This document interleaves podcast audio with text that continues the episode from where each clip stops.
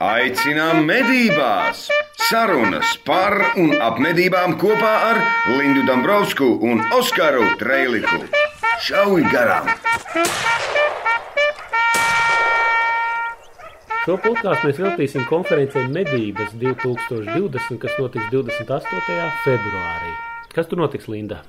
Šīs, šī gada konferences galvenā tēma ir medības, drošība, sabiedrība, valsts. Konferences ietveros valsts meža dienesta, valsts policijas, iekšliet ministrijas, aizsardzības ministrijas, AS Latvijas valsts meža, kā arī Latma un LMS pārstāvi diskutēs par drošības jautājumiem medībās un ārpus tām. Konferences notiks Latvijas valsts meža telpās Vaņotas ielā 1 Rīgā. Jā. Un pats galvenais Oskar. Nu, nu, nu. To visu varēs vērot arī tiešraidē. Jā, skatieties tiešraidē un obligāti piesakieties klātienē, jo tur būs visi svarīgākie cilvēki un varēsiet klātienē uzdot savus jautājumus. Tātad vēlreiz 28. februāris. Jā. Tie, kas netiek uz konferenci, sēž un skatās to online. Online ir adrese, tātad, kur mēs varam, šeit es redzu, ka ir links, vai ne? Jā. Konferences programma, iespējams pieteikties šeit, kur tas ir. Lat, latma.lv mēs Latma. pašlaik skatāmies. Ejiet, uh, Tad, tad eh, Latvijas mednieku asociācijas mājaslapā meklējiet sadaļu konferences medības. Un varat sūtīt man personīgi uz PM Facebookā jautājumus, ko mēs varēsim uzdot uh, konferences dalībniekiem. Tiekamies konferencē! Aicinām medībās! Šauj garām! Sveiki, draugi! Ir uh, atkal nākamā podkāstu epizode Šauj garām! Čau, Linda! Čau, Oskar! Atkal mēs sēžam studijā. Mēs esam atgriezušies no dažādiem izbraukumiem, eksperimentālām epizodēm. Jā, no virtuves esam bibliotekā. Nu, tā Lasītavā. pieklājīgi. Jā, jā. Nu, kur grāmatas? Šī ir 14. epizode. Runāsim par baigo tēmu, kas saistīta ar visādām konspirāciju teorijām, ar emocijām, ar ētiku, ar naudu. Da labi. Jā. Un tā ir. Par to vēlāk. Okay. Kas jauns tavā dzīvē, Oskar? Nu, kas, kas, kas jauns? Mierīgi, mierīgi, ļoti mierīgi. Viss notiekās nedēļas nogale, mierīga. Kā tu saproti, tagad sākās brīvais laiks, medības ir beigušās, viss ir labi, gatavojamies nākamajai sezonai. Es arī šautavai gatavojamies vairāk vai mazāk nākamajai sezonai. Skatos, kas kur kā ir jāpieķīlē, kas kur kā ir jāsadara, lai nākamā sezonā brauktu cilvēki, šaut, trenēties un izklaidēties pa šauto brīvdienās. Tālāk. Vai labi? Nu, vienkārši es teikšu tā, jā. Kolēģi, kolēģi savukārt apkaro bebrus. Es domāju, ka es arī nākamnedēļ pievienošos šim. Postiem vietās. Jā, ir ļoti daudz, un mums jau sāk norādīt, kur, un, un mēs diezgan cītīgi ar šo nodarbojamies patreiz. Jo citādi mums jau sūdzās, ka drīz jau varēšot eh, nodarboties ar rīsa audzēšanu. Zin kā, ziemas nav, jā, tagad viss paliek siltāks. Nu, arī lauksaimniecības nozars attīstās. Ja? tā kā, tā kā, nu, lai tas nenotiktu, un mēs ceram, ka nākamgad ziema tomēr būs, tad mēs tomēr tos aizsprostus arī jaucam nost un bebrus izmedījam. Jā, bet es tev teikšu tā, ka ņemot vērā noplūdes no Facebookiem un dažādas, dažādus tekstus par uh, lūšiem. Jā. Es bišķiņi ar ironiju runāšu, jā, jā, bet uh, teikt, ka tu apkaro bebrus. Es nedrīkst. Kāds nedrīkst. Kāds teikt. karš, kāds karš. Nē, nē, nē. Tas, tas ir tev jādara no tā visa izriet, jo -hmm. kāds bija jā. izlasījis mednieku grupā, kā nepareizi lingvistiski izsakās par lūšu medībām. Ah, jā. Esot pat vesels skandāls, es pat nesaprotu par ko, bet, bet no tā visa izriet, ka tev ir Tu nedrīkstētu iet medībās, ja tas tev sagādā prieku, un principā tev to vajadzētu darot, darīt šņukstot, mm. un tu nedrīkst teikt apkarot okay. bebrus, tev ir jāsaka. Es ļoti atvainojos, es ļoti atvainojos. Es ar uh, dziļām sāpēm sirdī uh, paziņoju, ka mēs esam gājuši, un mums ir nācies, diemžēl, medīt bebrus. Tā, un kā tev gāja, es zinu, ka tev būs ko pastāstīt. Tu atkal biji ceļojumā, Linda. Man, man Kārtējo kā... reizi, un es nogurus bišķiņi, ne? Vai ne, tie ceļojumi tik jautri, tik feini, tik feini ka šajā gadījumā es nejauši iekļuvu vienā projektā, par kura rezultātiem varēs visticamāk spriest maijā, jo tappa filma par mežacūku medībām Turcijā. Būs kaut kas arī žurnālā medības par Jā, šo rakstīs? Par stāstu būs, safārī piedzīvojums būs. Kā iegādāja, ka žurnāla medības? protams, lasīt žurnālu medības, tur mēs stāstam par visiem piedzīvojumiem, bet tas Jā, ok. paradoxālākais, tas absolūtākais paradoks bija tāds, ka es braucu uz Turciju, lai nokļūtu mīnus 13 un sniegā līdz ceļiem. Jā, tas tā kā bija. Linda mums uh, cienījamie klausītāji un skatītāji. Bija ļoti jauki. Linda aizbrauca šeit, plus, cik bija, kaut plus 5, plus, Plus astoņi. plus 8 grādi. Un tagad mums sāk nākt bildes no Turcijas, nu, kur, no Ankaras, kur principā vajadzētu būt tā kā, nu, tur plus 30 vai plus 20, nu, tāda Saulīte, saulīte, tas tuvu ekvatoram no sērijas, ja. Un tagad tur kaut kāds mīnus 8. Tad aizbrauc uz to um, medījumu vietu. Es neatceros to nosaukumu, viņai bija īpaši. Divas stundas no Ankaras. Jā, nebija kalnos. daudz, divas, tur kaut kāds 150 vai cik tur kilometri bija, skatījos pēc kartes. Tur jau mīnus 13. Sniegs, mm. -hmm. vētra, kaut kāds, nu, ziem, normāli ziem. Un tie mani ziem. medību kolēģi, kas bija no Rietuma Eiropas, viņi staigāja apkārt un stāstīja, kādos ekstrēmos apstākļos mēs medījam. Uzkrita 10 cm sniedziņš, beidzās ar to, ka vietējais džeks ar L200 to iebrauca grāvī un no grāvī ārā netika. Viens no maniem Loka rieta. kolēģiem, viens no maniem kolēģiem skraidīja apkārt un bļaustījās, ka tūlīt sāksies lavīnas. Īsāk sakot, tas, tas, īsāk tas bija- čaus. Visāk sakot, bija interesanti. Nu, tā mums fonā tikko ieskanējās trešā cilvēka smiekliņš. Smieklīņš, jā. Uh, mums šis Lūk, vēlreiz. vēlreiz. reiz smējās. Mums ir slepenais viesis. Uh, vēl viens eksperiments podkāstā. Šī nav kā ekstra epizode, bet kā kārtīga, normāla epizode, numur 14. Bet ar viesi. bet ar viesi. Un kāpēc viesis? Tāpēc, ka šis cilvēks ir viens no vispieredzējušākiem, zinošākajiem jautājumā par Āfrikas cūkmēra apkarošanu Latvijā. Tātad studijā PVD infekcijas slimību uzraudzības daļas vecākais eksperts Mārtiņš Sežants. Čau visiem! Aicinām medībās! Šauj garām! Esam atpakaļ studijā. Pie mums ir viesis. Linda smējās. Tāpēc, ka man vienmēr tas liekas smieklīgi, tas atpakaļ studijā. Atpakaļ Mums studijā. nav studijas, mēs esam tā kā klaidoņi, Ok. okay. kas vazājās no vienas vietas uz No, labi. otru. Esam atpakaļ bibliotēkā, lasītavā, pie grāmatām. Taču kopā ar mums ir Mārtiņš. Mārtiņ, pastāst īsos vārdos. Kāpēc tu dari to, ko tu dari, un kā tu nokļuvi pie tā, un ko tu dari? Oh, tas ir mega jautājums. Nu, es esmu veterinārārsts pirmkārt, un uh, kaut kā mani ceļi aizved līdz pārtiks veterināriem dienestam. Un, ja sākotnēji likās, ka tas ir baigi garlaicīgais darbs un baigā birokrātija un tikai viss notiek pie galda un papīriem, tad uh, izrādījās, ka tā galīgi nav. Tā nu es šeit, šeit vai, vai, vai šajā dienestā esmu diezgan ilgi jau nostrādājis. Un, uh, ja mēs runājam par Āfrikas cūku mēru, tad es domāju, ka tas gan man, gan arī vēl dažiem cilvēkiem bija tāds nu, pagrieziena punkts vai drīzāk papildus motivācija. Visam noteikti izaicinājums tas ir visiem, gan medniekiem, gan lauksaimniekiem, gan arī veterinārārstiem. Āfrikas cūkmērs, un, un, un es domāju, ka šajā gadījumā nu, tas radīja gan daudz grūtību, gan daudz arī tādas nu, profesionālas, izaicin profesionālas izaicinājumus, lai, lai, lai, lai turpinātu kaut ko darīt šajā virzienā. Tas tavs uzdevums, manuprāt, ir šausmīgi grūts ir bijis. Tāpēc, ka no sākuma, cik es atceros, no sākuma bija tāds baigais pretstats. Veterinārais dienests ir baigi sliktie un medniekus nabagus apbižo, tad mēs radām kaut kādu kopsaucēju tajā visā, bet tik un tā mēs kopā strādājot ar šo tēmu, gan, gan kā žurnāla medības, gan PVD, gan arī caur asociāciju, vienmēr ir radies tāds sajūta, sajūt, ka mums tie mednieki ir jāpārliecina, jo viņiem šķiet, ka tas viss ir izgudrots. Āfrikas cūku Nu, mēra nav, putnu gripas nav. Jūs atmazgājat naudu, nezinu, tas ir lauksēmnieku izdomāts kaut kas, vai Krievija bārsta, vai amerikāņu bārsta. Īsāk sakot, tas emocijas ap šo tēmu ir vienkārši mega emocijas. Jā, pavisam noteikti domāju, ka šis ir viens no tādiem karstajiem topikiem pēdējos nu jau cik sešus gadus, un, un es domāju, ka mēs ļoti daudz ko esam teiksim, pārvarējuši dažādas krīzes šajā jautājumā, un es pieņemu domu, ka šobrīd mēs varētu būt vienā tādā no nākamo krīžu priekšvakarā, varētu nosaukt, ja mēs par Āfrikas tūkmēru runājam. Kas ir nākamā krīze? Tas ir nākamā krīze. Es domāju, tas- palikt ļoti Jā, jā. interesanti. nu, mēģināšu izskaidrot, kā es to domāju, samudžinot visu šo jautājumu.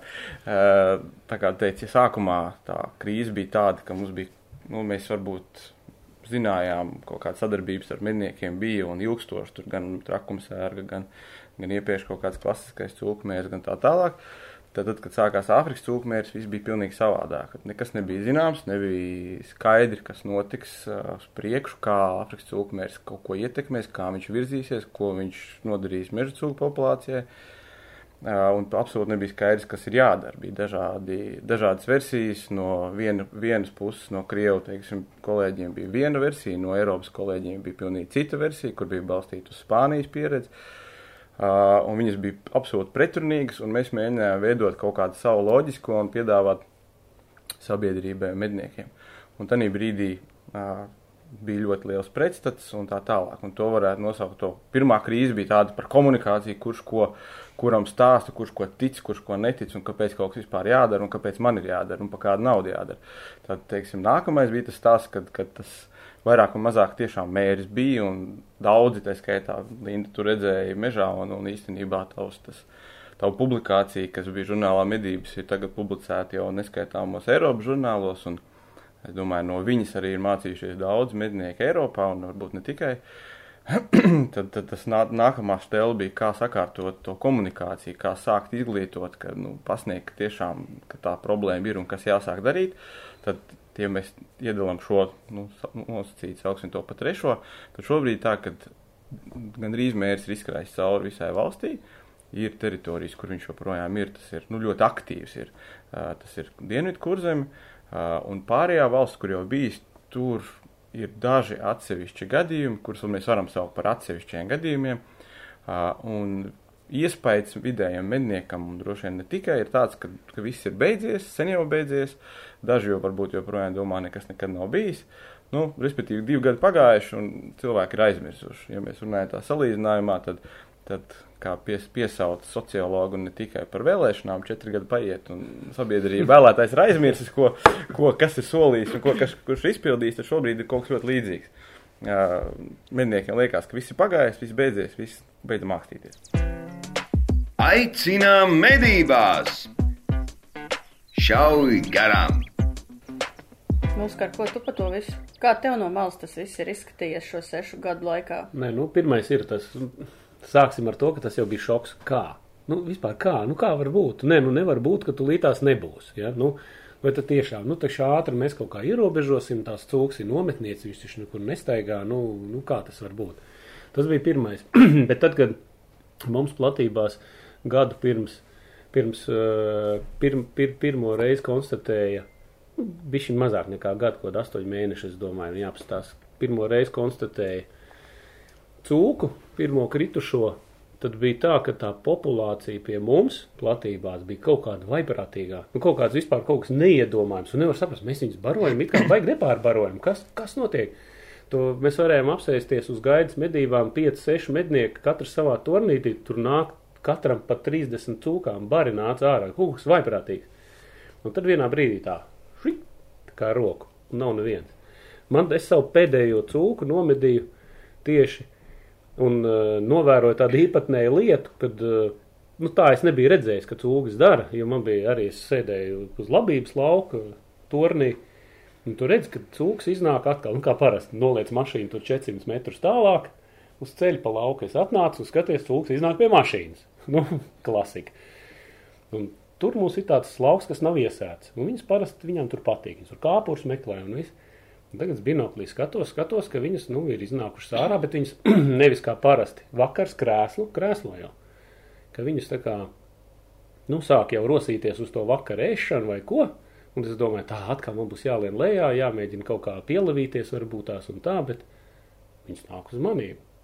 Lielā galvenā māte nāk, iet pa priekšu, un tie sīkie tur ņemās apkārt kā riņķo, bet viņa tā ļoti skaidri tā, tā paņēmusi virzienu, mauc vienkārši tā, šķērsām vienkārši visai labībai, vienkārši iet cauri, viss bars iet kaut kur projām. Tad es nomedīju vienu, vienu. Principā man, man tā bija pēdējā, pēdējais ruks pērnicis, ko es nomedīju, Tajās platībās tavās. Jā, mūsu platībās. Nu, es personīgi. Tagad mums cūks ir apakaļ, bet tas bija toreiz. Un viss aiziet prom. Un tad bija tā kā izlaucīts. Pēc būtības jau būtu kā, ja jau pie tā, pie tā milzīgā blīvuma, nu tagad, ja viņas mums būtu apsprāguši, tad viņām vajadzēja būt pilniem mežiem, bet viņas nebija. Tas nozīmē, ka cūks, tas bija pirmais brīnums, ka cūks rīkojās kaut kā netipiski, viņas ir kā nometnieces, bet viņas migrē. Nu, kas notiek, kad, kāpēc viņas iet projām vispār, ja? Cūks tā nedara. Vienīgais migrants mums laikam alns ir, kas staigā, kur grib, ja, bet pārējais. Tas bija tāds, jā. Otrais aspektiņš, kas man ka par šiem gadiem, ko es varu pateikt, ir, kad arī ar PVD, manu, manuprāt, manuprāt, ir mainījusies attieksme medniekiem, nu man personīgi. Ja kādreiz, nu, PVD bija tāds zināms bubulis kaut kur, ja, tad tagad, man liekas, šajā sadarbībā ir izveidojušās, nu tā, ka mēs tā izprotam visu to situāciju un, un vairāk jau tā kā draudzējamies. Tāpēc, ka mēs esam, nu, vienā frontes daļā. Mēs neesam nekādi pretējie kaut kādi, ja. Plus vēl forši, kad mēs dabūjām arī saldētā un galu galā nāca naudiņas. Nu, kaut kāds savs labums no tā visa bija. Ir, Tālāk.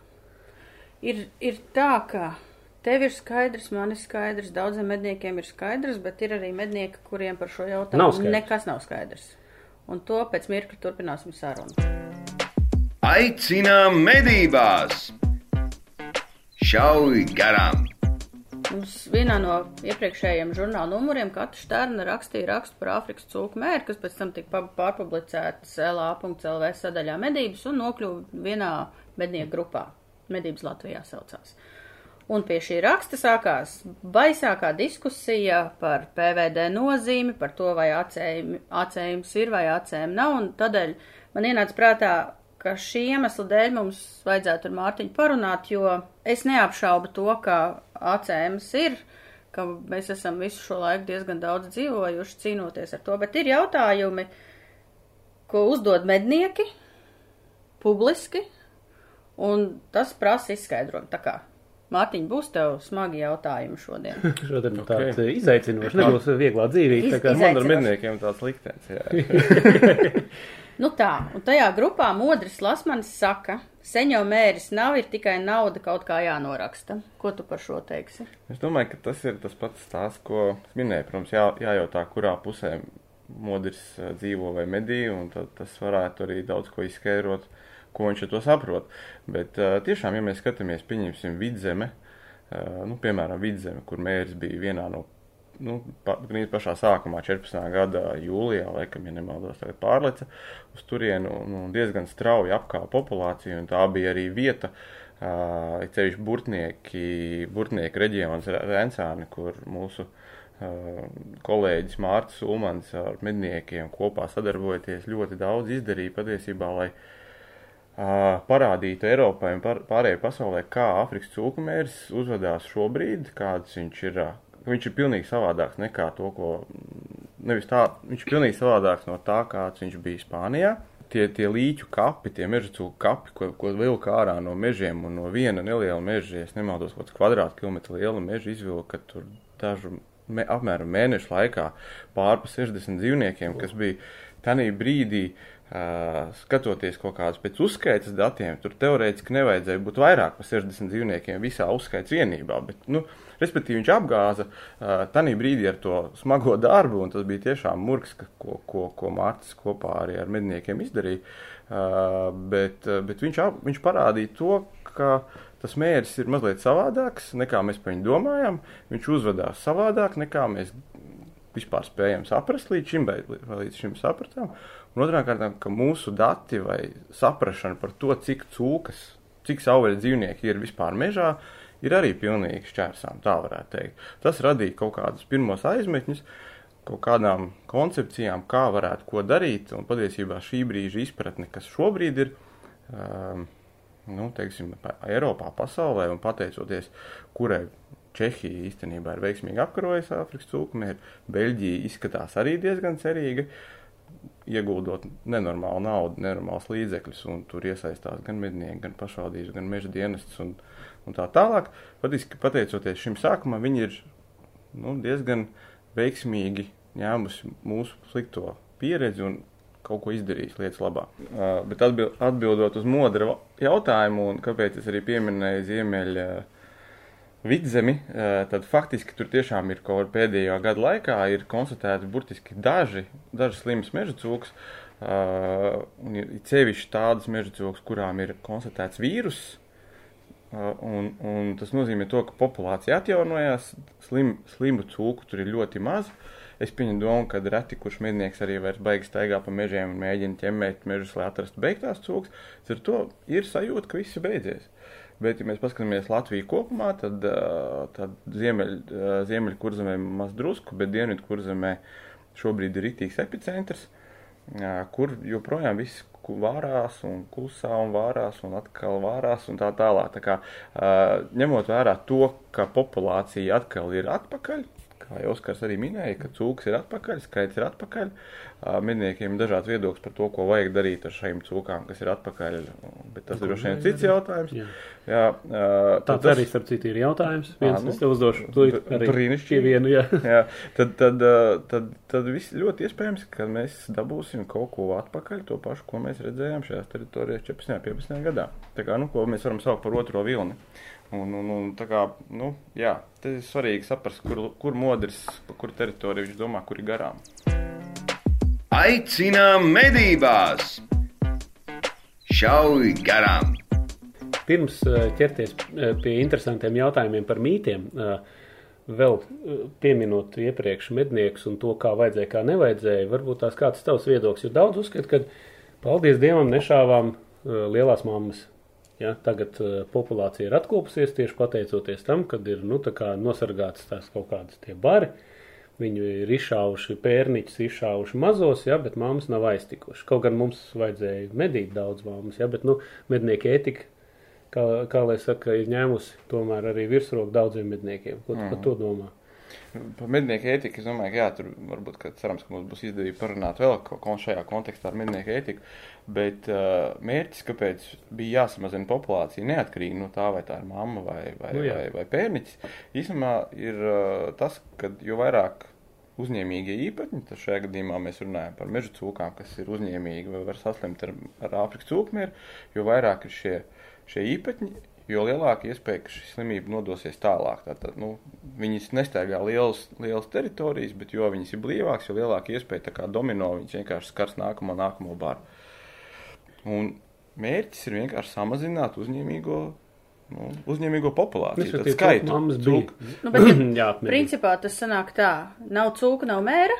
Nav cūka, nav, nav mēra. mēra. Jo, uh, tas būtu vienkāršākais risinājums. Tas nav ir vienkāršākais, tā man arī vienkāršākā atbilde. Protams, citi piesauc tur visādus gestapo un vēl visādus nu, jā. citus onkuļus, kurus vēsturiski kaut ko ir mēģinājuši izdarīt ar, ar, ar, ar homo sapiens. Bet, uh, bet, bet, bet uh, ja mums būtu vakcīna līdzīgi kā tas ir trakumsargai vai klasiskajam cūkmērim, tad mēs šo uzņēmīgo populāciju samazinām uz tā rēķina, ka mēs viņu savakcinējam. Proti, mēs Tie mēs esam visi trīs šeit sēžam, kuri tagad ir uzņēmīgi uz koronavīrusu. Ja būtu vakcīna, tad pie, pieņemsim, ja es būtu slims, jūs abus savakcinētu un vienkārši tālāk slimība neizplatītos. Bet pret Āfrikas cūku mēru mums šāda vakcīna nav. Līdz ar Vēl to joprojām. joprojām vēl tieši pajautāt, ar aktuālu tēmu, laiks ir pagājis, kas notiek ar vakcīnu? Vai vispār tiek strādāts pie viņas? Pie vakcīnas tiek strādāts, es domāju, kāds gadus 50 kopš Spānijā viņa pirmo reizi mēr, mērs bija, vai pat vairāk jau gadu pagājuši. Uh, nevar teikt, ka vakcīnas nekad nav bijušas izdomātas, viņas ir izdomātas, bet viņas nekad nav bijušas efektīvas vai drošas. Proti, neviens negrib iet vakcinēties pret tērču encefalītu, encefalītu un zināt to, ka pēc šīs vakcīnas, nu, viņš ir kā saņēmis vakcīnu, varbūt zīmodziņu parakstu savā vakcinācijas pasē, neviens viņš negrib saslimt, saslimt ar tērču encefalītu. Vai ne mēs vakcinējamies, lai nesaslimtu. Un tā problēma ar vakcīnu tādu, un šis vīrus ir nenormāli sarežģīts. Uh, un šī iemesla dēļ vakcīnu neviens jau nav izgudrojis. Tādu, lai nesaslimtu pēc vakcinācijas. Tad drošas vakcīnas nav līdz šim bijušas. Ir tie tās baumas, kas, nu, tās pat nav baumas, tās ir oficiāla informācija, oficiāla publikācija, gan spāņi, gan, gan amerikāņi ir radījuši kaut kādu veidu vakcīnas eksperimentālos variantus, sauksim to tā. Darbs ir uzsākts, arī, piemēram, Latvija ir darba grupā, varētu teikt, tā tur vairāk kā 20 valstis kopā ir, kas ar Spāniju, Spānijas, teiksim, virsvadībā, Spānijas institūtu strādā pie vakcīnas izveidas. Uh, par pamatu īstenībā tiek, starp citu, tiek ņemts Latvijas uh, celms no tukuma pusē, ņem, uh, iegūtas, iegūts vakcīnas, nevis vakcīnas, bet vīrusu celms no nomedīts meža cūks, kurš pēc šī brīža datiem izskatās ļoti, teiksim, maz agresīvs un varētu sekmēt, lai šo, šo, šo vakcīnu izveidotu. Bet ir viens baigais bet ar ļoti lielu ar lielu B burtu. Labākajā gadījumā, ja viss būs sekmīgi, ja viss nostrādās tā kā vajag, un viss būs nu, minimālākajos termiņos, šāda vakcīna varētu būt plauktā aptuveni septiņi gadi. Tātad tāds optimālākais ir desmit gadi, bet sliktākajā scenārijā viņi vienkārši nestrādās.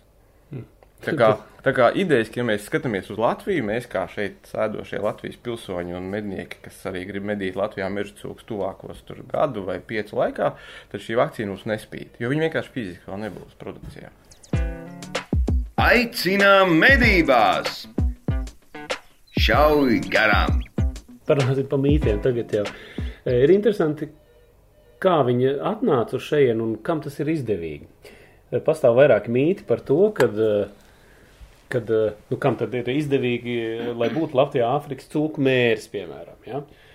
Ir viens no mītiem, ka, ka tie ir lauksaimnieki. Nu, viņiem ir šausmīgi iedomājies. Viņi ražo Postījumi, ir tie, kas Jā. nodarbojas ar govīm, viņiem ir kukurūzas simtiem hektāru. Ja? Tie, kas nodarbojas ar biogāzi, viņiem ir vēl, vēl vairāk se, simtiem hektāru kukurūzas. Ja? Nu, tie ir drausmīgi lieli postījumi priekš viņiem.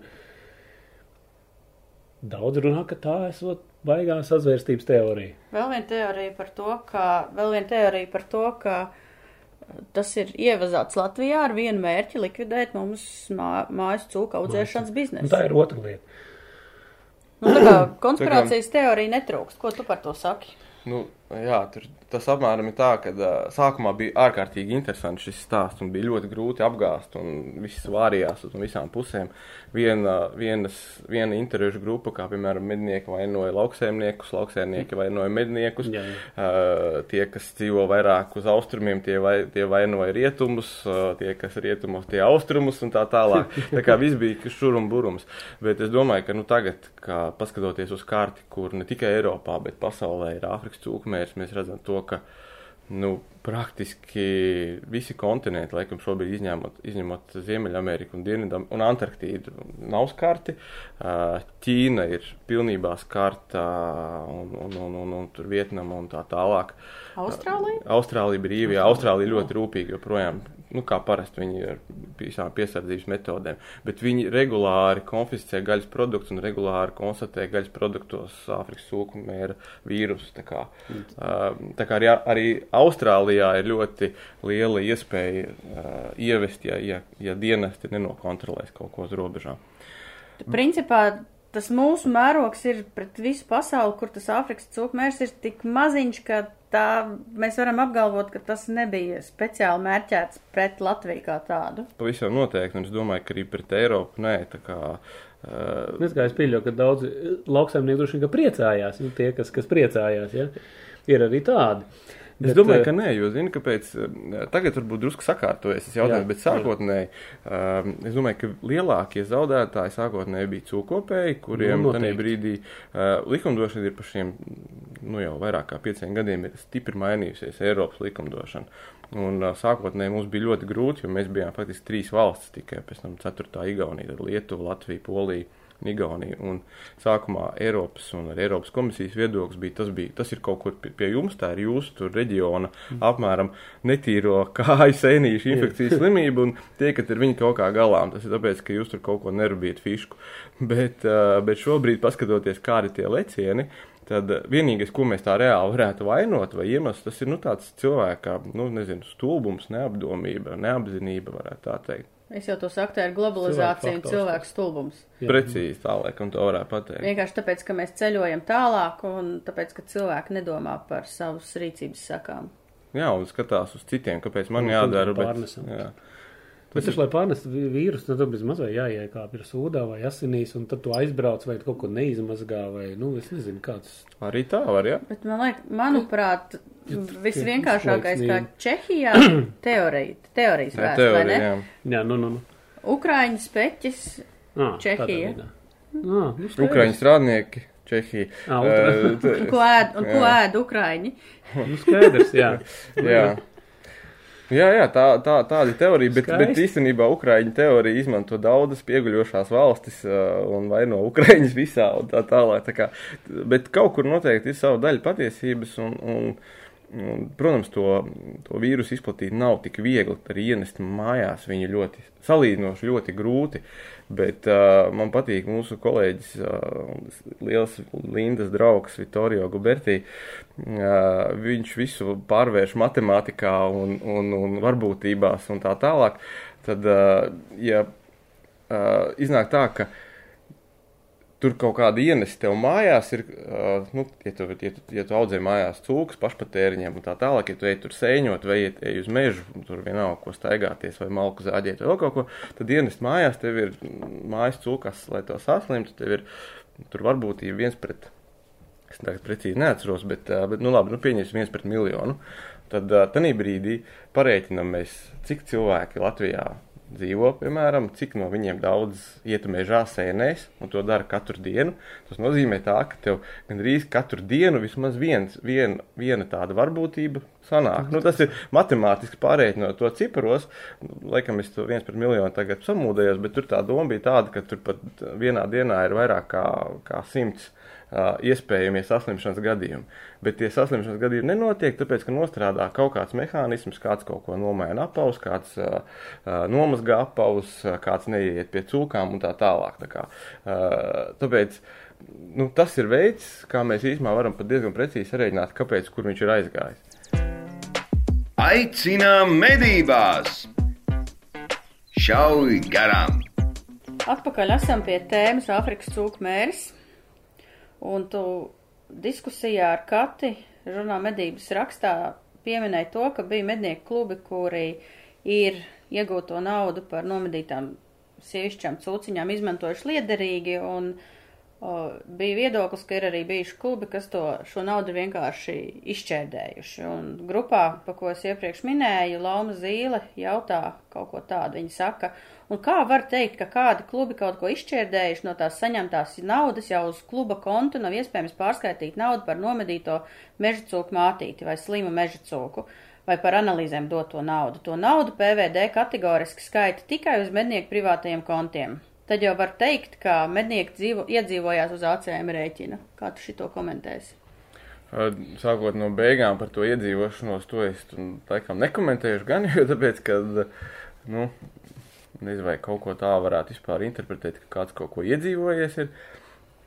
Bet uh, nākamā lieta, jā, pavisam noteikti mēs neesam uh, nekad skaitījuši neko uz klubu kontiem. Mēs esam skaitījuši uh, visu naudu, kas ir maksāta saistībā ar paraugu iegūšanu vai, vai, vai, vai, vai selektīvām medībām, vai arī pēc tam tālāk pozitīvajām cūkām. Tas ir skaitīts tikai un vienīgi uz konkrēto mednie, mednieku kontiem, kuri šo dzīvnieku nomedījuši.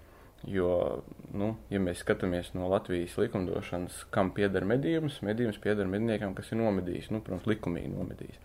Un, attiecīgi, mednieks, šīs likumīgās mantas īpašnieks, drīkst atsavināt šo mantu, kas šajā gadījumā, nu, tas ir būtībā jāsaka tā, tas ir mehānisms, kas ir ieviests, lai uh, vienlaicīgi mēs varētu likumīgi maksāt uh, medniekam šo, šo, šo, šo samaksu. Uh, un lai, uh, lai arī nevis, nu, tas nav iemesls, kāpēc, bet ja mēs maksātu kādam klubam, tad noteikti mums jābūt jāprēķina visi, jāietur visi veidi nodokļi atbilstoši likumdošanas noteiktai kārtībai.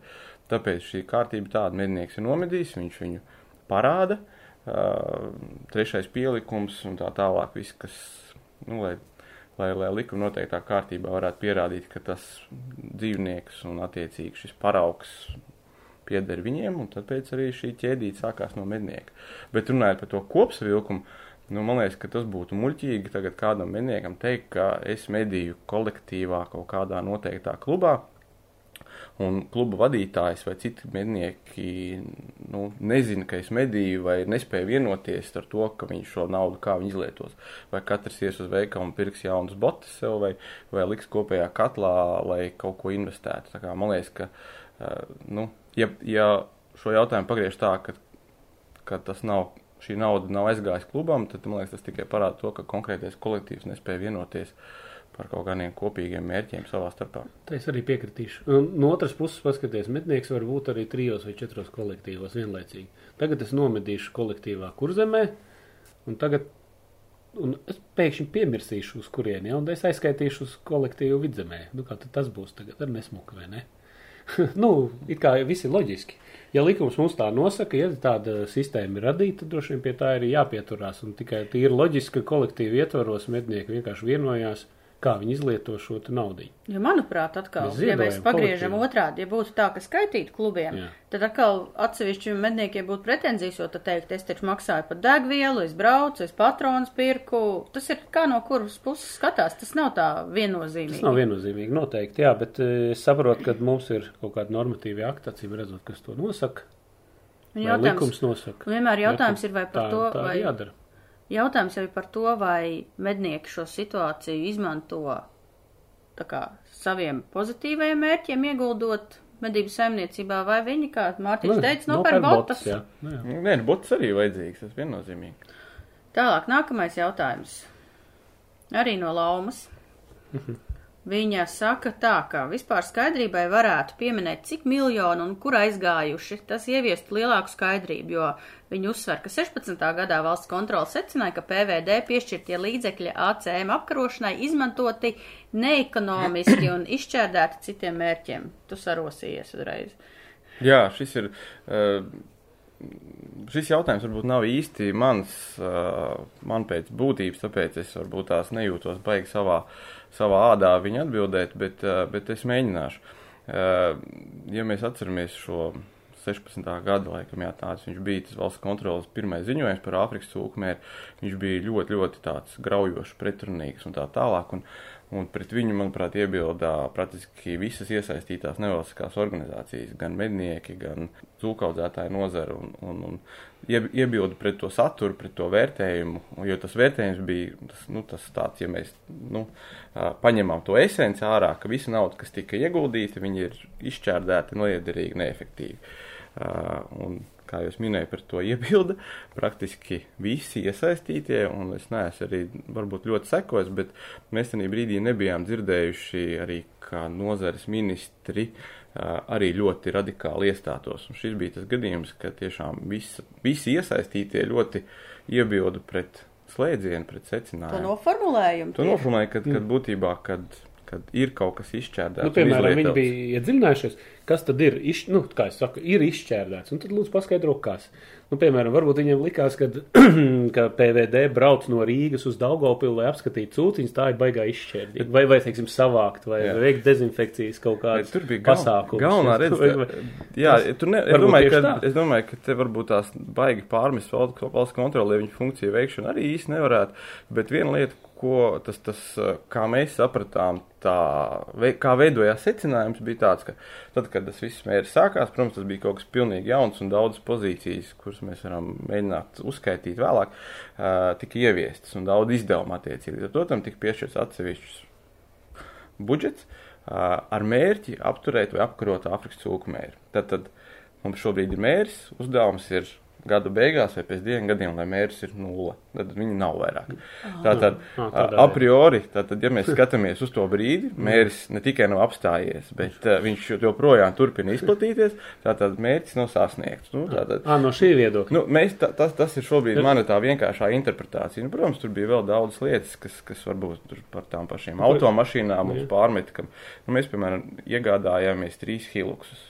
Jo pašā sākumā tie varbūt tās, Ā, kas Tas bija. nākamais jautājums. Tas ir nākamais. jā. Jā, nu, nē, nu, tur bija vairākas mašīnas, kuras mēs iegā, iegādājāmies vai nomājām, jo, uh, jo ar mēru iestāšanos mūsu noslodzes kā dienesta nenormāli pieauga. Nu jā, jo Arturs Tīla arī pra- prasa uzreiz PVD, ACM sērgu sāka ar autoparka nomaiņu un jaunas datortehnikas iegādes savām vajadzībām. Varbūt tās eh, viņš, nu, tā kā jautājumu tā uzdod, vai bija autoparka nomaiņa vai papildus automašīnu iepirkšana. Tā, tā, tā ir tās divas dažādas lietas. Tur bija gan, gan.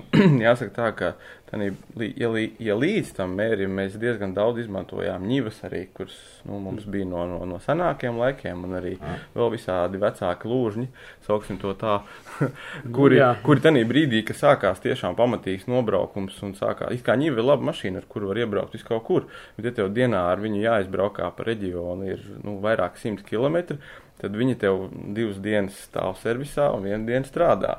Un, attiecīgi, nu, vesels trīpa šīm mašīnām vienkārši tajā brīdī šo slodzi neizturēja. Nu. Nu, tas ir viens no skaidrojumiem. Ņivā cūku neieliks. Tas varbūt ir, tas ir, tas ir cits nebūs jautājums. Nē, tas ir cits jautājums, un mēs sākotnēji īsumā dažus hiluks bijām aizņēmušies no valsts meža dienesta, līdz, līdz, līdz nauda tika piešķirta, un šobrīd joprojām mums ir tie trīs hiluks, kas bija, kas bija sākotnēji.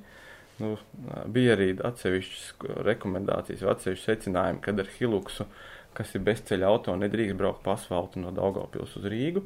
Nu tā, tas, tas arī Jā, ir. To, Nu, ko, nu, kas to teica? Valsts Valsts kontrole? Nē, nu, Jums to, jābrauc to, to var izlasīt ceļam, eh, ziņojumā, publiski pieejamā. Nē, tas ir jābrauc pa, pa blaku, bezceļa mašīna pa Pa bezceļa. jā. Nu, jūs Nu, jau nevarat braukt pa tāds- aplietošanas ceļiem, vai ne? Ar parastu mašīnu. Nē, nu kaut, kaut kā tā. tā kā, Braucat pa bezceļu? jebkurā gadījumā, nu daudz lietas, kas tur bija, varbūt viņas, nu, nevajag tiešām varbūt pārspīlēt. Es arī nevēlos pārspīlēt, nu, vai ironizēt kaut kādu šo valsts kontrolas uzdevumu nozīmi. Protams, ka ir daudz lietas, kuras mēs pārskatījām vienkārši, lai arī revidentiem būtu, nu, nerastos šaubas, ka, nu, kad, piemēram, mašīnām nebraukāt tur, kur nevajag braukāt. Nu, tas iekšējā kaut kādas procedūras mēs pārskatījām, to izdarījām. Bet bez auto, bez mašīnām, kuras jau pieminēts arī jautājumā, nu, tīri fiziski, nu, vienkārši nevar nokļūt no, no, no, no, no mūsu, teiksim, birojiem līdz mežam vai līdz uh, cūku novietnēm. Uh, un, un, un arī mums papildus štata vietas tika iedotas, jo tīri fiziski tie cilvēki, kas mums bija, uh, ieskaitot es īstenībā, ja, ja tie, kas varbūt tās uh, nezina, tad īstenībā darba likumā ir noteikti virsstundas, maksimālās virsstundas skaits, ko drīkst cilvēks nostrādāt. Un uh, pamatā visi bija šos virsstundas pārstrādājuši. Tā kā vienkārši fiziski vairs nedrīkstēja Tā nodarbināt arī var būt cilvēku. iebildumi no valsts kontrolas. Ne, Uh, to vien. viņi tajā brīdī ne, ne, ne, ne, par to, man liekas, neiebilda, bet tur ir citas, cit, citas institūcijas, kas varētu mums pārmest. Bet, tā kā, jā. Jautājums. Mēs pazudām laikam, tad Jā, kur, neatbildējām. kur tad tie miljoni aizgāja? Ā, par miljonu. Miljoni, jā. Nu jā, Jā, nu tas ir tas, ir tas stāsts, kad viņus mēs viņus iztērējat? atmazgājam, vai ne? nu, Jā, jo, jo un vēl viena vēl, viena lieta, kas ir baigi interesanti. Mēs, nu, pirmais, jā, bez, bez mašīnām. Labi, ka neviens nevaicā, cik veļas mašīnas mēs Cik nopirkām. lai atmazgātu šos miljonus? Jā, nu, kā- kāpēc ne? Atved ar hiluksiem. Atved ar hiluksiem. Ja tur var kādas divas vai trīs iekrāvēt. Jā, mierīgi. vairāk Jā.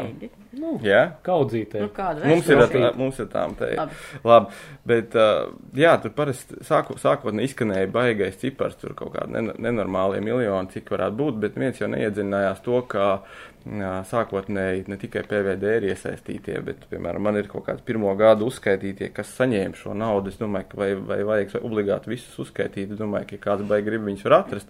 Bet idejas tur bija gan pašvaldības, gan meža dienas, gan uh, robežsardze, gan uh, gan vēl visādas institūcijas, un, un viena liela daļa saņēma arī laboratoriju. Un no tiem, ja piemēram mēs runājam par 14. gadu, tad ā, 14. un 15. gadu, tad apmēram PVD saņēmis apmēram 2 miljonus eiro budžetā tieši Āfrikas cūku mērim, no kuriem drusku atkarība, drusku mainās tas. Pieņemsim, no tiem, no tiem pašiem diviem miljoniem 15. gadā mednieki saņēma ceturto daļu kas ir aizgājis atpakaļ uz mednieku kontiem, varētu tā teikt. Tieši caur šo iepriekšējo, ko mēs jau pieminējām, caur paraugiem, caur, caur uh, sīvēnmāšu medīšanu, caur pozitīviem. Šim caur leduskapiem arī. Leduskapi gāja caur bija leduskapi gāja no, no Latvijas valsts mežiem. tāpat 16. labums 16. 16. gadā, starp citu, šis cipars ir medniekiem proporcija ir pieaugusi. Apmēram pusi no tā PVD budžeta ir aizgājis medniekiem. Aicinām medībās! Šauj garām! Kā, jā, ja mēs skatāmies par šiem gadiem, vispār kopumā vairāk kā 5 miljoni ir izmaksāti tieši medniekiem saistībā ar meža cūku paraugiem, ar pozitīvajām, ar sivēnu māšu medībām un tā tālāk. Principā tas stāsts ir par to, ka no vienas puses tas izskatās kaut kā Daudz. daudz un Visiem briesmīgi, un kā to pagriež, bet ja to visu izskaidro un saprot, tad tas viss ir ļoti loģiski. Nu jā, un tas ir vairāk gadu garumā. Tas jau notika tur. Tādā Jā. veidā. No, starp citu, varbūt salīdzinājumam, tu zini kaut kādas summas, kas ir, nu, tādā pašā Beļģijā, Čehijā. ārzemēs, Čehijā. Ma- Manuprāt, Čehijai tā sēta vienu miljonu izmaksāja, ne? Es Viņa nemāku, jums teikt, cik, cik izmaksāja, bet uh, par Čehijas naudām visi klusēja, jo tāpēc, ka tur uh, tā, to, ko investēja Čehiem, to, to laikam neviens vairs vismaz nelīdzfinansēs. Ā, nu vienīgais, kas vēl mums ir jāpiebilst, ka no šiem, no šiem visiem, tā, miljoniem, ko mēs iztērējām, uh, liela daļa tiek līdzfinansēta no Eiropas komisijas. Tad, piemēram, 14. gadā gan arī pār pa 800 tūkstošiem mēs esam dabūjuši atpakaļ no Eiropas komisijas. Katru gadu apmēram nu, līdz 75% mēs saņemam atpakaļ no Eiropas komisijas. Un, nu, jāsaka, ka arī valsts kontrole pēc šī 16. gada, sauksim to pa skandalozo ziņojumu, mūs katru gadu pārbauda un vairāk šādu veidu aizrādījumu nav. Un tad nozīmē to, ko viņi ir bijuši konstatējuši, mēs esam novērtē, novērsuši. Un nu, viena lieta, kas arī jāpiebilst, ka, diemžēl, valsts kontrole īstenībā brīdī neņēma vērā uh, ekspertu slēdzienus, kas bija gan Eiropas, gan, gan pasaules ekspertu slēdzieni, kas mūs regulāri pie mums brauc un regulāri auditēja, kā mēs ieviešam visus pasākumus. Pat tādus pasākumus, kur likumdošanā nebija izdomāta, tad brīdī vēl stratēģiju mēs kopīgi rakstījām. Līdz ar to tajā brīdī tie eksperti novērtēja, ka viss, ko varēja izdarīt, mēs tajā brīdī izdarījām.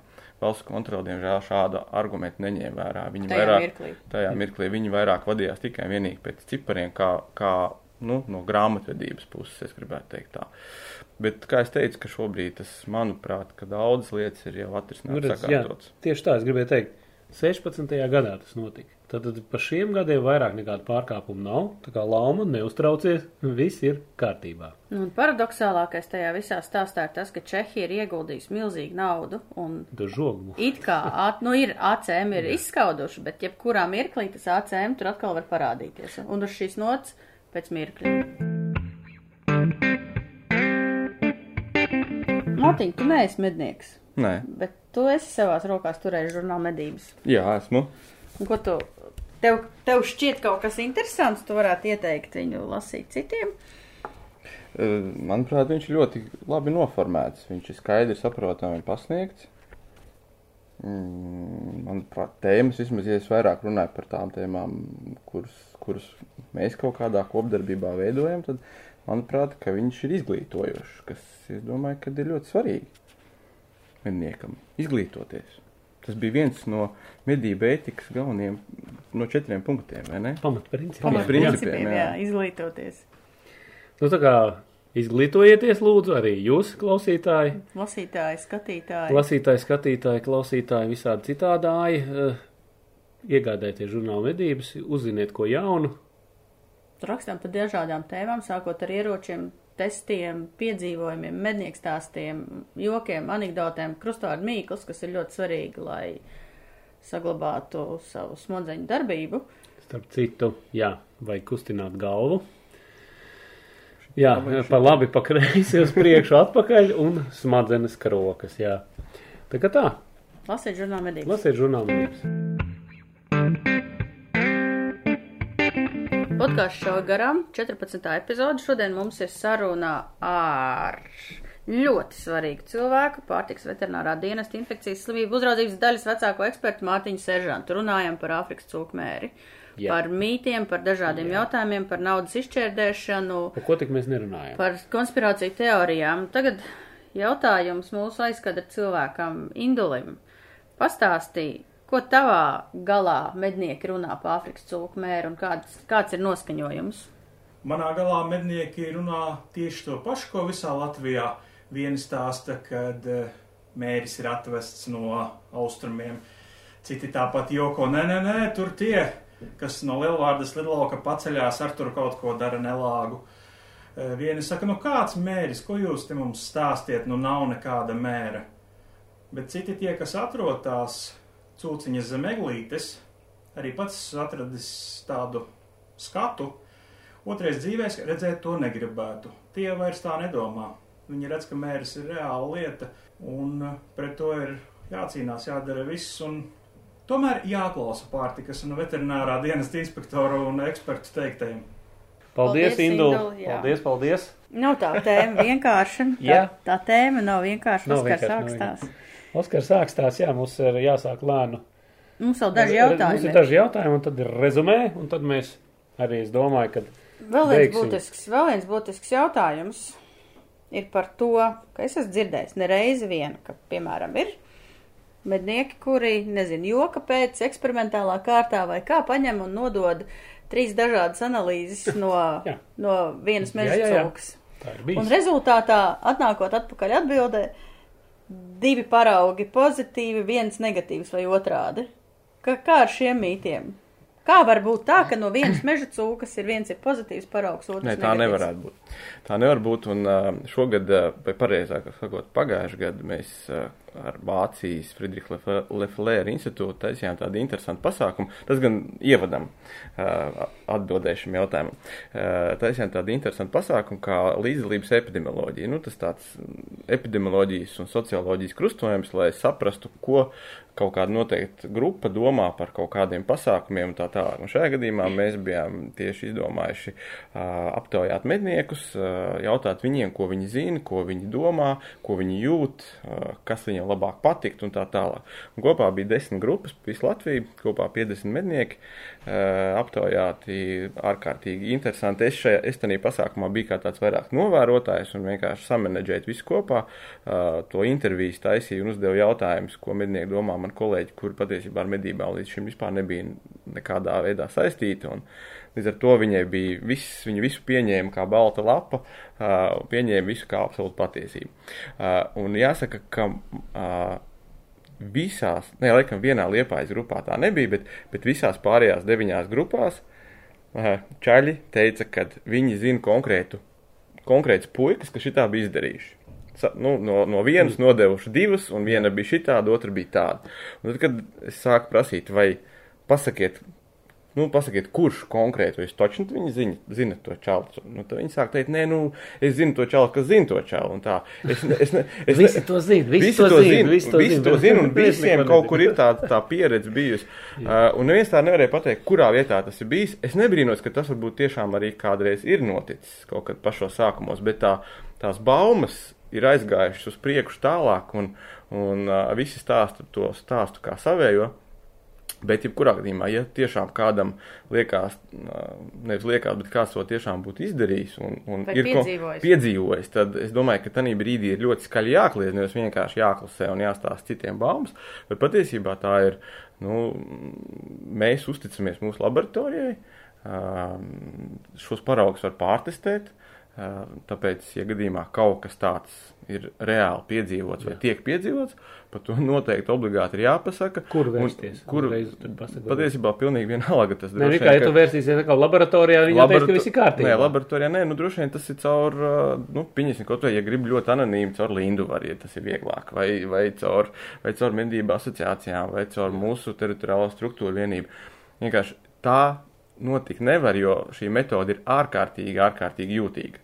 Viņa var noteikt, ja tur ir samaisīts, kā saka, mucā, ar kaut ko pieliec klāt vien, daži pilieni ar, ar, ar inficētas cūkas asinīm, tad visticamāk šī laboratoriskā metode atradīs. Tas, nu, tīri praktiski, teorētiski tam varētu būt skaidrojums tāds, ka, ja tiešām kāda cūka ir bijusi pozitīva un ar to pašu nazi ir, pieņemsim, kaut kas dīrāts, tad var būt tā, ka kaut kāda lāsīte, tā, redz kā. trāpot iekšā tajā paraugā, viņš var rādīt, ka tā arī tā ir uh, pozitīva. Nu, tā, es saprotu, Nu jā, bet te, te ir runa viena Te ir runa, ka cūka, viena cūka vai divi vai trīs, jā. nu, tad, Tā nevarētu būt, jā. Tā nevar būt. Kaut kādas kļūdas jau vienmēr notiek, bet stāsts jau ir par to, ka, ja ir šādi gadījumi, tad ar, pa, pa tiem ir atklāti jārunā, un neviens jau cietumā neliks par to, ka pateiks, ka mums rekā ir divi Mhm. paraugi no vienas cūkas, viens pozitīvs, viens negatīvs. Tādēļ vajag konkrēti ar datumiem un papīriem to parādīt. Tieši tā. Tas ir nolūku, lai šādu gadījumu nebūtu, jo savādāk tagad baumas pa visu Latviju, ka neko jau tās laboratorijas mm, nedara, jā. kaut ko tur saraksta, kaut ko paši izgudro, naudu iztērē, bla bla bla, la la la, un tā tas viss aiziet Jā. tālāk. Aicinām medībās! Šauj garām! Un vēl viena interesanta lieta, ka no šīs pašas uh, diskusijas ar medniekiem mēs uzzinājām to, ka, ka mūs kā pārtiks veterināro dienestu jauc ar laboratoriju, domā, ka mēs esam viens tas pats, bet tā īstenībā nav. Uh, laboratorija dzīvo atsevišķi, un diemžēl šīs metodas un tehnika, kas ir nepieciešama, lai to izmeklētu, ir pietiekami dārgas, un tāpēc nav katrā pagastā viņiem pa savai laboratoriju. Tā viss, viss dzīvo Rīgā lejupas ielā, uh, visas šīs, šīs trakās tehnikas, kas visu kaut ko var noteikt, un tāpēc bieži vien tie paraugi paraugu izmeklēšanas laiks uh, ir īsāks nekā šis ceļš, kā arī nonāk līdz laboratorijai. Tā kā tas, tas tāds no tāda praktiskā piemēra, ko bieži vien mednieki varbūt nelīdz galam saprot. Un vēl veids, kā var samazināt šo gaidīšanas laiku, ir šo paraugu noņemt ļoti teiksim, kvalitatīvi, uh, iepakot tīri, lai asins nelīst apkārt no šī maisiņa, ne, jo tas meitenēm viņas vienkārši nevar paņemt ar asiņainā rokām kaut kur kaut ko saliet, viņām iznāk tā, ka viņas izņem šo trauciņu, visu no sākuma notīra, un tikai tad viņas var laist nākamajā posmā, jo viņas savādāk var kā to sauc, laboratoriski kontaminēt, cross-kontaminēt citu to paraugu, piemēram. Tāpēc viņiem vajag viens trauciņš, viena meža cūka paraugs, viņš ir smuki, tīri, sterīli iepakots, viņš tad tālāk iet pa konvejeru. Tas arī, tas ir, tas ir tas, ko mednieks var savā labā darīt, lai samazinātu laiku un, un, un, un galvas sāpes un darbu laboratorijā. Skaidrs, ļoti labi doma. Super, paldies. Bet tā doma jau ir tāda, ka, tā doma jau principā ir tāda, ka tu būtu savā dzīvē laimīgāks, ja tā ACM nebūtu. Tas atbildot uz to, ka PVD speciāli to visu izgudro, lai nopelnītu naudu.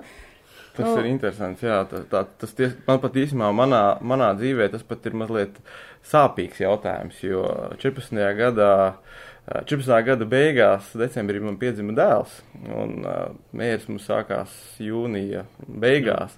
Tad uh, jūs stādaties priekšā, ka man sieva joprojām piemin to, kad es neesmu bijis mājās šajā priekš mums svarīgākajā laikā. Tā kā īstenībā, jā, ja, ja, ja tu jautā tā, ok, ja viņš būtu gadu pirms vai gadu pēc, es domāju, ka. Tev būtu interesanti. Man būtu interesantāk nekā, nekā tas ir tagad. Tas pat, pat cūku mērs ir iegājis privātajā dzīvē. Jā, noteikti. Jā. Bet, tas, ja mēs, kam ir interesanti, mm. vai kas iegūs, ja mēs skatāmies no šāda apsvēruma, zaudējuši, domāju, ka ir daudzi. Bet, nu, tā kā ar jebko, jebkādu mēslu, kas notiek, mums jānovelk svītri, jāpagaida laiks. Un varbūt, kad paskatāmies, mēs kā, varam, varam pārdzimt citā kvalitātē. Un es domāju, ka, nu, ja mēs skatāmies Latvijas mērogu, tad es domāju, ka cūkaudzētāji ir nu, stipri stiprāk kļuvuši ar visiem pasākumiem un izpratni, kas ir jāizdara, lai neierazātu mēri un arī citas slimības. Tas ir viņa konkurences spēja arī palielinājusi. Es tā pieņemu, es atļaujos tā izteikties par medniekiem. Es domāju, ka īstenībā mums šī sadarbība ir veidojusies, un mērs jau nav vienīgā slimība, kas apdraud mūsu dzīvniekus. Putnu gripa, kroniskā novājēšanas slimība, vēl visādi mūži. Bet to mēs varētu nodalīt pie tādiem kosmosiem, kuri, kuri, kuri ir izdevīgi tādiem cilvēkiem, kas tic sazvērstības teorijām. Jo tur ir uzreiz daudz naudas, visas lielas problēmas, ažiotāžas, bet ir jau slimības, ar kurām dzīvnieks slimo visu laiku. Un tās ir slimības, kurām slimo cilvēki dažādi paradīti. Nu jā, nu š, šīs nots arī jautājums bija, ko Oskars uzdeva vienā mirklī, lai uzdod jā. tev. Vai joprojām, lapsām, vai joprojām lapsām tiek dota vakcīna pret trakumsārgu? Kāda ir slimo lapsu statistika un vai būs iespējams saņemt atlīdzību par nodotām jā. lapsām kādreiz? Jautā mednieks Oskars. Jā, mednieks Oskars. Ar prieku atbildēsim medniekam Oskaram. Uh, jā, joprojām mēs vakcinējam lapsas, bet mēs to darām lapsas un ienucus viņus. Nu, mēs viņus saucam par savvaļas dzīvniekiem, kuri ir tie rezervāri trakumsargs. Mēs viņus joprojām vakcinējam un uh, arī plānojam šogad to darīt, pavasarī un rudenī, bet tas notiek tikai Latvijas austrumu pierobežā gar Krieviju un Baltkrieviju. Uh, un tādā veidā mēs nodrošinām to, nu, tādu, sauksim, to buferu joslu, lai slimās lapas nevarētu jā, ienākt. Jā. Uh, un no šīs teritorijas arī var nodot katru rudeni, kas ir, nu, periods apmēram oktobra otra puse līdz Ziemassvētkiem. Šīs lapas nomedītās var arī nodot. Ja tās tikai no turienes. Tikai no turienes, jo mērķis mums ir tikai un vienīgi pārbaudīt, cik efektīvi ir nostrādājis tas te. Uh, Pārējā Latvijas teritorijā? Pārējā Latvijas teritorijā nav, nav un pēdējie gadījumi mums ir bijuši 12. gadā, kad arī tas viss beidzās. Un, sa, ir un, labi. un, un, un meža dzīvniekiem viņš beidzās desmitajā gadā. Tur tas kašķis sākās. Jā, bet šis ir tas, ko te varētu salikt kopā starp kaut ko, ko jūs esat droši vien runājuši iepriekšējos, iepriekšējās savās sarunās par to, ko, ko dara mednieks, ko dara un cik daudz viņam ir ietekme uz kaut kādas populācijas regulēšanos. Tad, protams, ša, pēc vakcinācijas trakumsēra bija tā, kas limitēja lapas un ienucu viņu populāciju. Nebija trakumsēgas, strauji pieauga lapas ienucu viņu sākās kašķis, kas ir normāla slimība starp, starp lapsām, un dēļ, dēļ tā, dēļ kašķa daudzas lapas aizgāja bojā. Kādu brīdi, ja sākumā mūs vainoja, ka mēs, jā, sākumā vainoja, ka mēs tērējam naudu, pēc tam vainoja, ka mēs audzējam lapsas. Tā, jā. pēc tam mūs vainoja, pēc tam mūs vainoja pie tā, ka ā, lapsas visas ir apsprāgušas un ir ļoti, daudz ienucuņu. Jā, tā, tā, ir. Ne, Un, nu, un, un tagad ir atkal tas līmenis, ka lapas atkal sāk parādīties, un nu, apmēram tur tie nepilni desmit gadi, kad populācija jau vispār daba sakārto kaut kādu līdzsvaru. Un te jau atkal var sākt pieslēgties mednieks, ka viņš to racionālā mērogā var šo, šo, šo, ā, šo populāciju pakontrolēt. Aicinām medībās! Šauj garām! Mēs esam dažādas tēmas pārunājuši par Āfrikas cūku mēri un lēnām virzoties uz skaisto noslēgumu. Jautājums ir par to, kāda pašlaik ir situācija, uz ko mēs varam skatīties, ko darīt, ko nedarīt medniekiem un ko vispār nākotne sola. Jā, nu, ja mēs skatāmies uh, no tādas perspektīvas, nu, tā kā no mūsu līdzinājās pieredzes, liekas, ka nākotne ir drūma un bezcerīga. Jo, nu, kā lai tagad apkaro, nu, kā lai likvidē vai, vai, vai samazina meža cūku populāciju tā, lai viņas nebūtu nemaz arī nav iespējams. Bet, bet ja mēs skatāmies uz Čehiem un Beļģiem, tad var redzēt to, ka īstenībā viņiem izdodas. Un tie paši Čehu tā pieredze rāda to, ka, ok, viņiem bija ļoti mazā teritorijā, 5000, bišķiņ vairāk hektāru. Tas ir tāds vidējais medību kolektīvs, kurā visu to viņi menedžēja.